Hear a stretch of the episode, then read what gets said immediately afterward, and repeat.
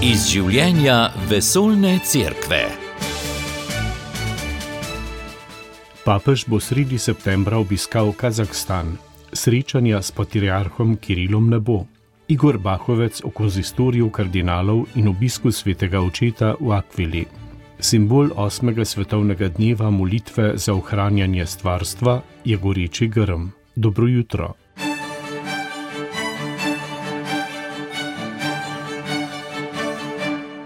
Še vedno se veliko ugiba v papeževem potovanju v Ukrajino, je pa že jasno, da srečanja z ruskim patriarhom Kirilom na septembrskem medvirskem srečanju v Kazahstanu ne bo. Vodja oddelka za zunanje crkvene odnose Moskovskega patriarhata, volokolamski metropolit Antoni, je pred nekaj dnevi zaraj povedal, da se patriarh ne bo deležil tega srečanja, ki je predvideno med papeževim obiskom. Vodja Vatikanskega urada za edinost med crkvami kardinal Kurt Koch medtem meni, da bi bilo srečanje papeža in patriarha smiselno le pod določenimi pogoji. Več v prispevku Marjana Debevec. Kardinal Kurt Koh je jasen. Srečanje med papežem in patriarhom Kirilom bi bilo smiselno le, če bi podpisala skupno izjavo o tem, kako končati to nesmiselno in grozljivo vojno.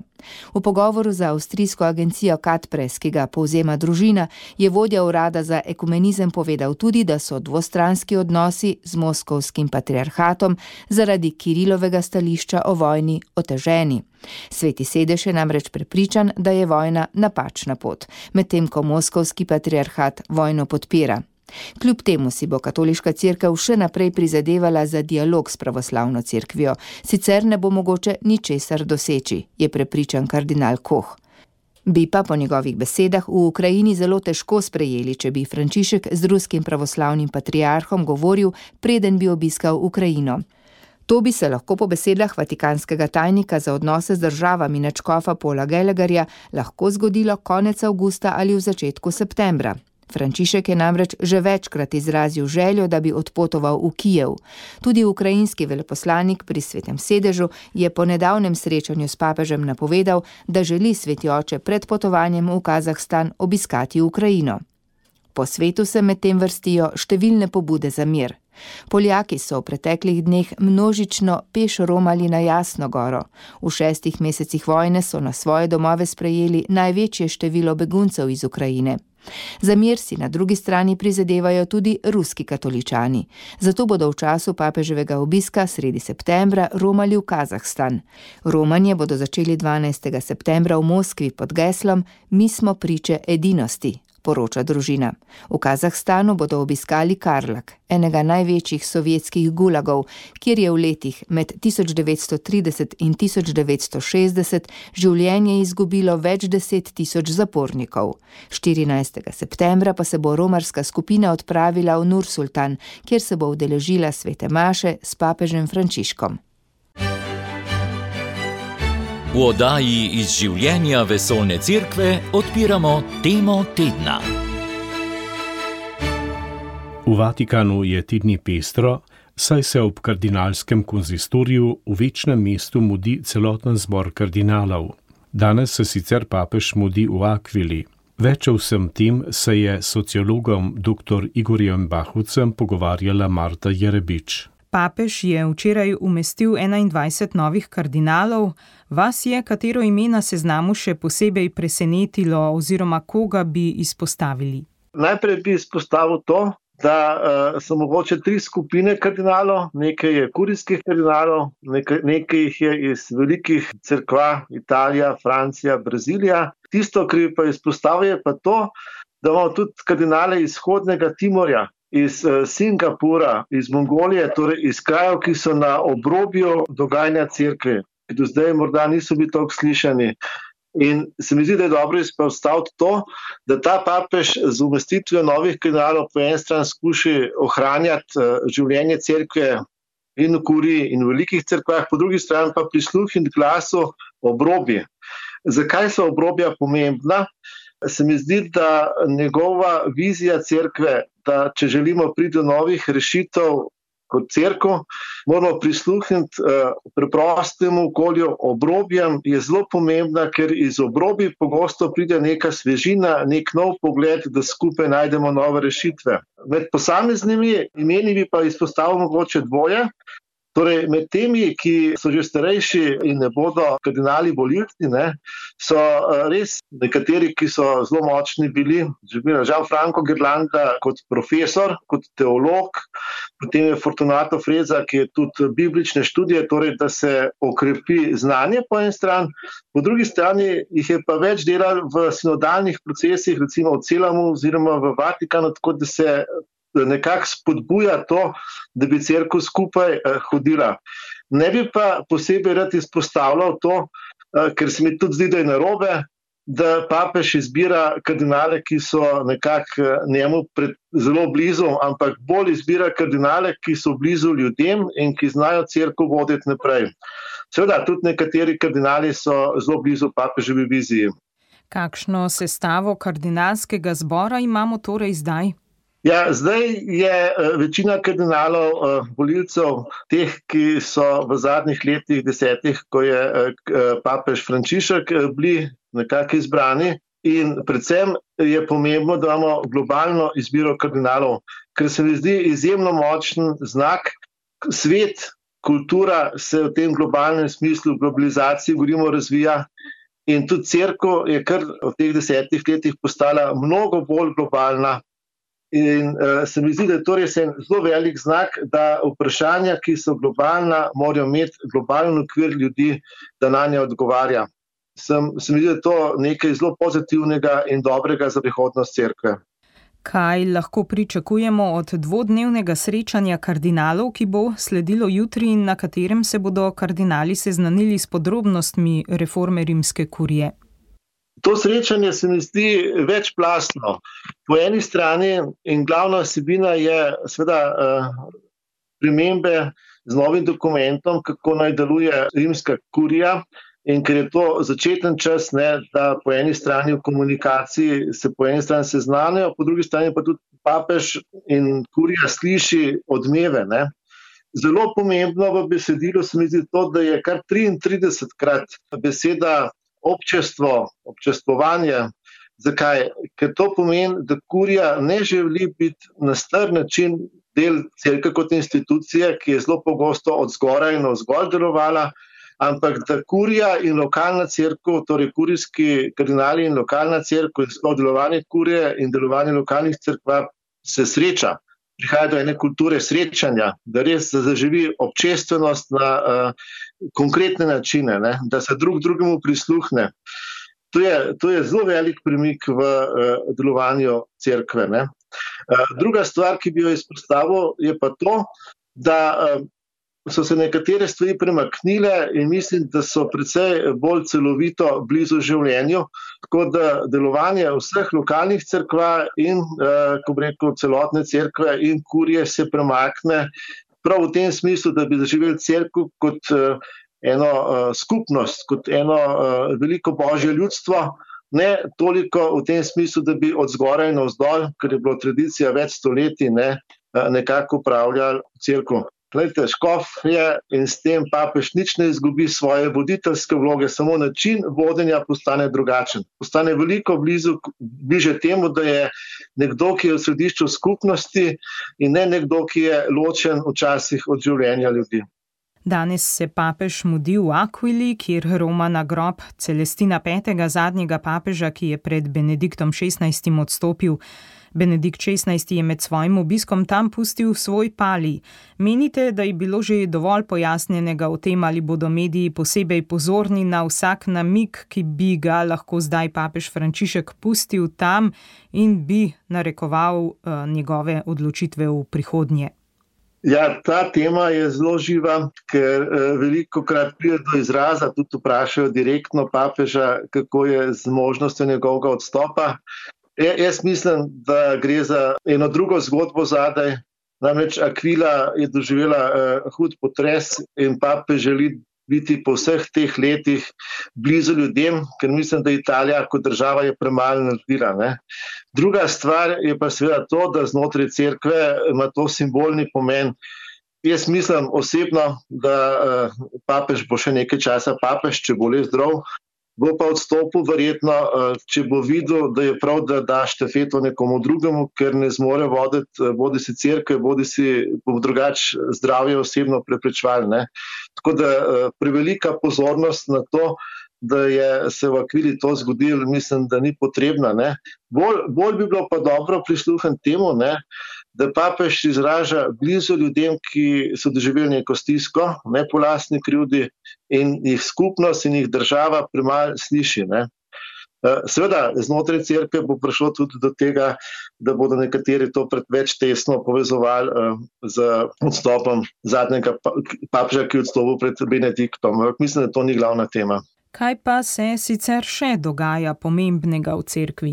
Kljub poletju je zanimivo, da se je prav te dni, torej v petek, zgodil en pomemben dogodek, novinarska konferenca, kjer sta kardinal Mario Grek in Jean-Claude Ulrich ki vodi, bi lahko rekli, Evropsko škofovsko konferenco, predstavlja naslednjo fazo sinode. Meni se to zdi izjemno pomembno. Potem, ko je bila sinoda na ravni škofij in narodnih crkva, škofovskih konferenc, je zdaj naslednji korak sinode, da se po kontinentih škofje srečajo da se poslušajo in najdejo odgovor na kontinentalna vprašanja. Kaj je kontinent? Kontinent je pogosto in tudi tako večinoma je prostor podobne kulture, podobnih izzivov in to je naslednji korak, da se bo potem naslednje leto, oktobra, v Rimu uh, srečala crkva na sinodalnih dogajanjih tistim tednu, ne, dobrem. Ne.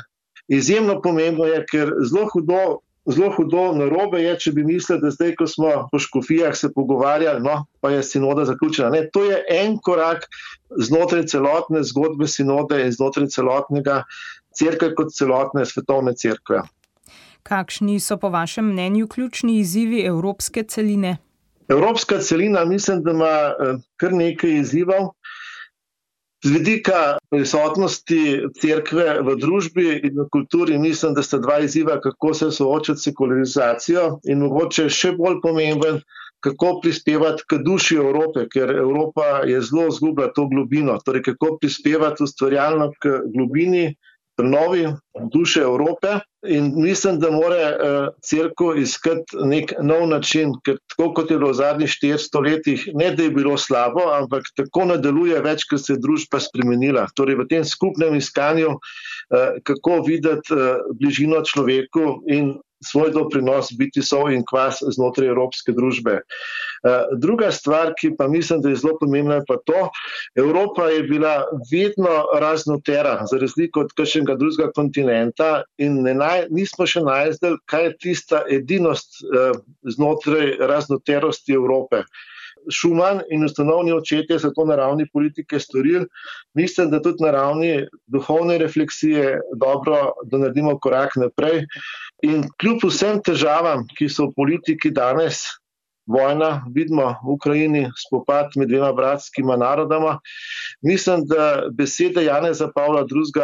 morajo dobiti odmev. In Janez Pavel II. je v Evropi razmišljal kot o prostoru, kjer mora vzhod in zahod dihati uh, skupaj. Ne? Znana njegova teza, da bi Evropa dihala z obemi pljučnimi krili, bi pa dodal, da mislim, da Evropa mora razmišljati širše kot Evropa, torej vsaj Bližnji vzhod in Afrika, zakaj je Mediteran je tako pomemben del Evrope in uh, ne samo zgodovina crkve, ki crkva se dejansko rodila v Mediteranu, ampak tudi sedanja situacija je taka, da zgolj Evropa znotraj geografskih meja brez svojih sosedov ne more razmisliti o sebi dobro. Doktor Igor Bahovec, hvala za pojasnila, hvala za pogovor. Najlepša hvala tudi vam in lep dan vsem poslušalcem želim. V četrtek 1. septembra obeležujemo 8. svetovni dan molitve za ohranjanje stvarstva, ki ga je papež Frančišek za katoliško crkvo razglasil leta 2015. Letos bodo vsi dogodki potekali pod geslom Prisluhni glasu stvarstva. Simbol je goreči grm, v katerem se je Bog prikazal Mojzesu. Danes pa nas spominja na ogenj in požare, katerih težo smo letos vsi dobro občutili. Kaj nam lahko pove letošnje geslo in kaj se bo dogajalo v prihajajočem mesecu, nam bo v pogovoru z Meto Potočnik, povedala mlada družinska zdravnica Alenka Bahovec, ki je skrb za stvarstvo že dolga leta pri srcu. Dobar dan. Dobar dan. Gospa Alenka, najprej bolj osebno vprašanje. Odkot vam takšna velika zauzetost za naravo in skrb za okolje? Ko sem bila mlajša, mi je, bilo, mi je bila ta tema zelo pomembna. Um, zato me je um, predvsej navdušila ta okrožnica papeža Frančiška Lada Tosi, ko je, ko je šla, ker je pač nekako povezala vero in ekologijo uh, na tak zelo dober način. Veliko mi je pomenil pa predvsem to, ko sem se srečala z ljudmi, ko jih to tudi zanima, ta nekako no, njihovo navdušenje in zgled, uh, kako potem tudi meni v zgled. Uh, se mi zdi, da vedno vsak vpraša, kaj pa ti delaš, kaj pa ti delaš. Pa nekako vsi pričakujemo, da tisti, ki so zelo navdušeni, delajo kar vse, vsi ostali pa nekako nikoli nič. Ampak mislim, da je to cel spektrno. Um, jaz, na primer, se trudim, da se vozim uh, v službo s kolesom in je to, uh, se mi zdi zelo dobro no, za, za več stvari. Ko gremo v hrib, se spomnim vzeti vrečko sabo, da potem pobiram smeti ena taka stvar, mečkana, ampak se mi zdi, da vsaj nekaj naredim. No. Gospa Linka, kaj konkretno pomeni čas stvarstva? Čas stvarstva je ime za obdobje, ko se začne 1. septembra, s tem dnevom molitve za ohranjanje stvarstva in se sklene na god svetega Frančiška Siškega 4. oktobra. Uh, je blizu številnim veroizpovedim, ima ekumenski značaj, uh, dan. Molitve za ohranjanje stvarstva je prvi določil vekomenski patriarh Bartolomej leta 1989 za pravoslavno okolje. Pri tem je zanimivo, da se pravoslavno crkveno leto začne na ta dan spominjam na to, kako je Bog ustvaril svet. Tudi številne protestantske crkve po svetu so se pridružile praznovanju tega dne in uh, časa stvarstva. To je ekumenska pobuda od 1. septembra do 4. oktobra in je za kristjane priložnost moliti in delovati za ohranjanje našega skupnega doma, zemlje. Um, nikomor ne bi smelo biti vseeno, kaj se dogaja z našim planetom, zato nas mora skrb za, za zemljo povezovati. Čudovito je, da se lahko kristjani skupaj povežemo v molitvi za ohranjanje stvarstva in da v naši veri lahko najdemo moč za dejanje. Tema letošnjega časa stvarstva, torej, ki se prične v četrtek in se konča 4. oktober, je prisluhni glas stvarstva. Gospa Lenka, kako bi nam približali njegovo sporočilo? Peš Frančišek v poslanici za letošnji dan molitve za ohranjanje stvarstva povabi k poslušanju prijetnega glasu stvarstva. To smo zagotovo že vsi slišali, ptičje petje, pa tudi videli, ne, ne, sončni zahodi, nasmehi ljudi, um, cvetoča drevesa. Z izkliki občudovanja in slavljenja se lahko pridružimo psalmistom in hvalnici stvarstva svetega Frančiška Siškega. A žal, to ni edini glas stvarstva, ki ga slišimo. Če zares prisluhnemo, slišimo tudi glasove trpljenja, krik naše izkoriščene matere, zemlje, onesnažene, tišino na tisoče vrst, ki izumirajo klice revnih in domorodnih prebivalcev, ki najbolj čutijo posledice tega izkoriščanja, onesnaževanja in podnebnih sprememb, ter mladih, ki si želijo, da bi odrasli ukrepali. Gospa Lenka, ob vsem to, kar ste našteli, nas lahko upravičeno žalosti in skrbi, kakšen pa naj bo naš odgovor na te klice. Ja, včasih smo kar nekako. Se nam zdi, da ne moramo, da lahko zanikamo, obupujemo, smo nekako brezbrižni, črnogledi ampak kristijani smo povabljeni k ekološkemu spreobrnenju, eh, povabljeni smo spoznati, da smo z našim vedenjem in načinom življenja soodgovorni za onesnaženje, povabljeni smo k iskrenemu kesanju in notranji želji, da se spremenimo, povabljeni smo oblikovati nov odnos z Bogom, stvarstvom in sočlovekom. Po svetu bo 1. septembra, to je v četrtek na prvi šolski dan in v času stvarstva, potekalo mnogo dogodkov, vseh seveda ne moreva našteti, ampak katere bi vi izpostavili? Imajo veliko molitev, nekatere bodo v živo, nekatere bodo po internetu, da se jih lahko priključi več ljudi. Pripravljajo komenske molitve, ko se bodo povezale več različnih crkva, maše duhovne odmike. Uh, videla sem, da v sredini v Italiji organizira čistilno akcijo na njihovih plažah, v Brucu, um, Laudato si Romanje, Škotska lajška mreža organizira več predavanj na temo ekologije in pričevanj. V Kentucky v ZDA pripravljajo umetniški natečaj za mlade in dobrodelno akcijo zbiranja prispevkov um, za sisteme za filtriranje vode, za tiste kraje, kjer je dostop do pitne vode otežen. V Indiji pripravljajo v Mumbaju srečanje z Načkofom, kjer bodo obhajali mašo in podelili priznanja za tankajšnje dobre ekološke prakse. Ko že omenjate, da bodo nekje dogodki potekali v živo, kje se pa, če koga zanima, lahko pozanima, na kateri spletni strani? Imajo spletno stran, ki se v angliščini reče Čas stvarstva Season of Creation. Tam se potem zbirajo, v bistvu se lahko vsak prijavi svoj dogodek na tej spletni strani, tako da je nekako povezuje cel svet da se skupaj vidi, kaj, kaj se ki dogaja, komu spodbuda pa na dih. Torej, če eh, si kdo želi to spletno stran pogledati, tam je veliko dogodkov in je zanimivo eh, prebrati, kaj vse se dogaja. To se pravi trikrat bojni ves, Season of Creation.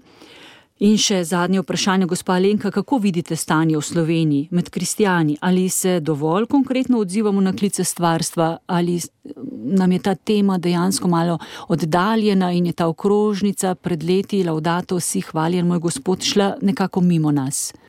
Se mi zdi, da v Sloveniji um, še ni tako pomembna ta tema med kristijani, čeprav uh, bi lahko bila, ker je um, pač vsi verjamemo v Boga stvarnika in uh, občudujemo stvarstvo in Slovenijo imamo zelo lepo naravo in zelo veliko možnosti, da, da slavimo Boga v njej in uh, tudi veliko možnosti, da, da naredimo neke spremembe uh, vsi. Tako da mogoče, čeprav nimamo nekih uradnih dogodkov v tem času stvarstva in na dan molitve za ohranjanje stvarstva, ki prihaja, vse povabim, da uh, so še posebej pozorni v teh dneh na glas stvarstva, na ta prijeten glas, ki ga vsi lahko vidimo, če le malo odpremo oči, pa tudi tega tragičnega, um, no, vse te krike, onesnaženja in uh, revščine. In da nam to, nam, nam to pomaga spremeniti se, um, lahko vsak sam kaj zmoli za ohranjanje stvarstva, ali v družini, ali v skupini, ali v župni. Uh, kot zapiše papež Frančišek na koncu svoje poslanice, prisluhnimo glasu stvarstva in odgovorimo z dejanji, da se bodo lahko mi in prihodne generacije radostili v prijetni pesmi stvarstva o življenju in upanju. Gospa Linka, hvala za obisk v našem studiu. Morda je tudi vse to, kar se okrog nas dogaja, ta ekološki vidik, vse to pomankanje vode, suša, pomankanje hrane, vse to, kar nas čaka in nas skrbi, lahko tudi klic za naša srca, da začnemo bolj se zavedati darov in tudi tega, kar nimamo, in da se združimo v molitvi in konkretnih dejanjih za ohranjanje stvarstva, ki nam je podarjeno. To je bilo vse v tokratni oddaji življenja vesoljne cerkve. Sodelavkami sem jo pripravil Tone Gorjub, tehnična izvedba Aleš Karba. Lepo nedeljo vsem. Poslušali ste oddajo iz življenja vesoljne cerkve. Ponovno ji lahko prisluhnete v našem audio arhivu. radio.ognisce.si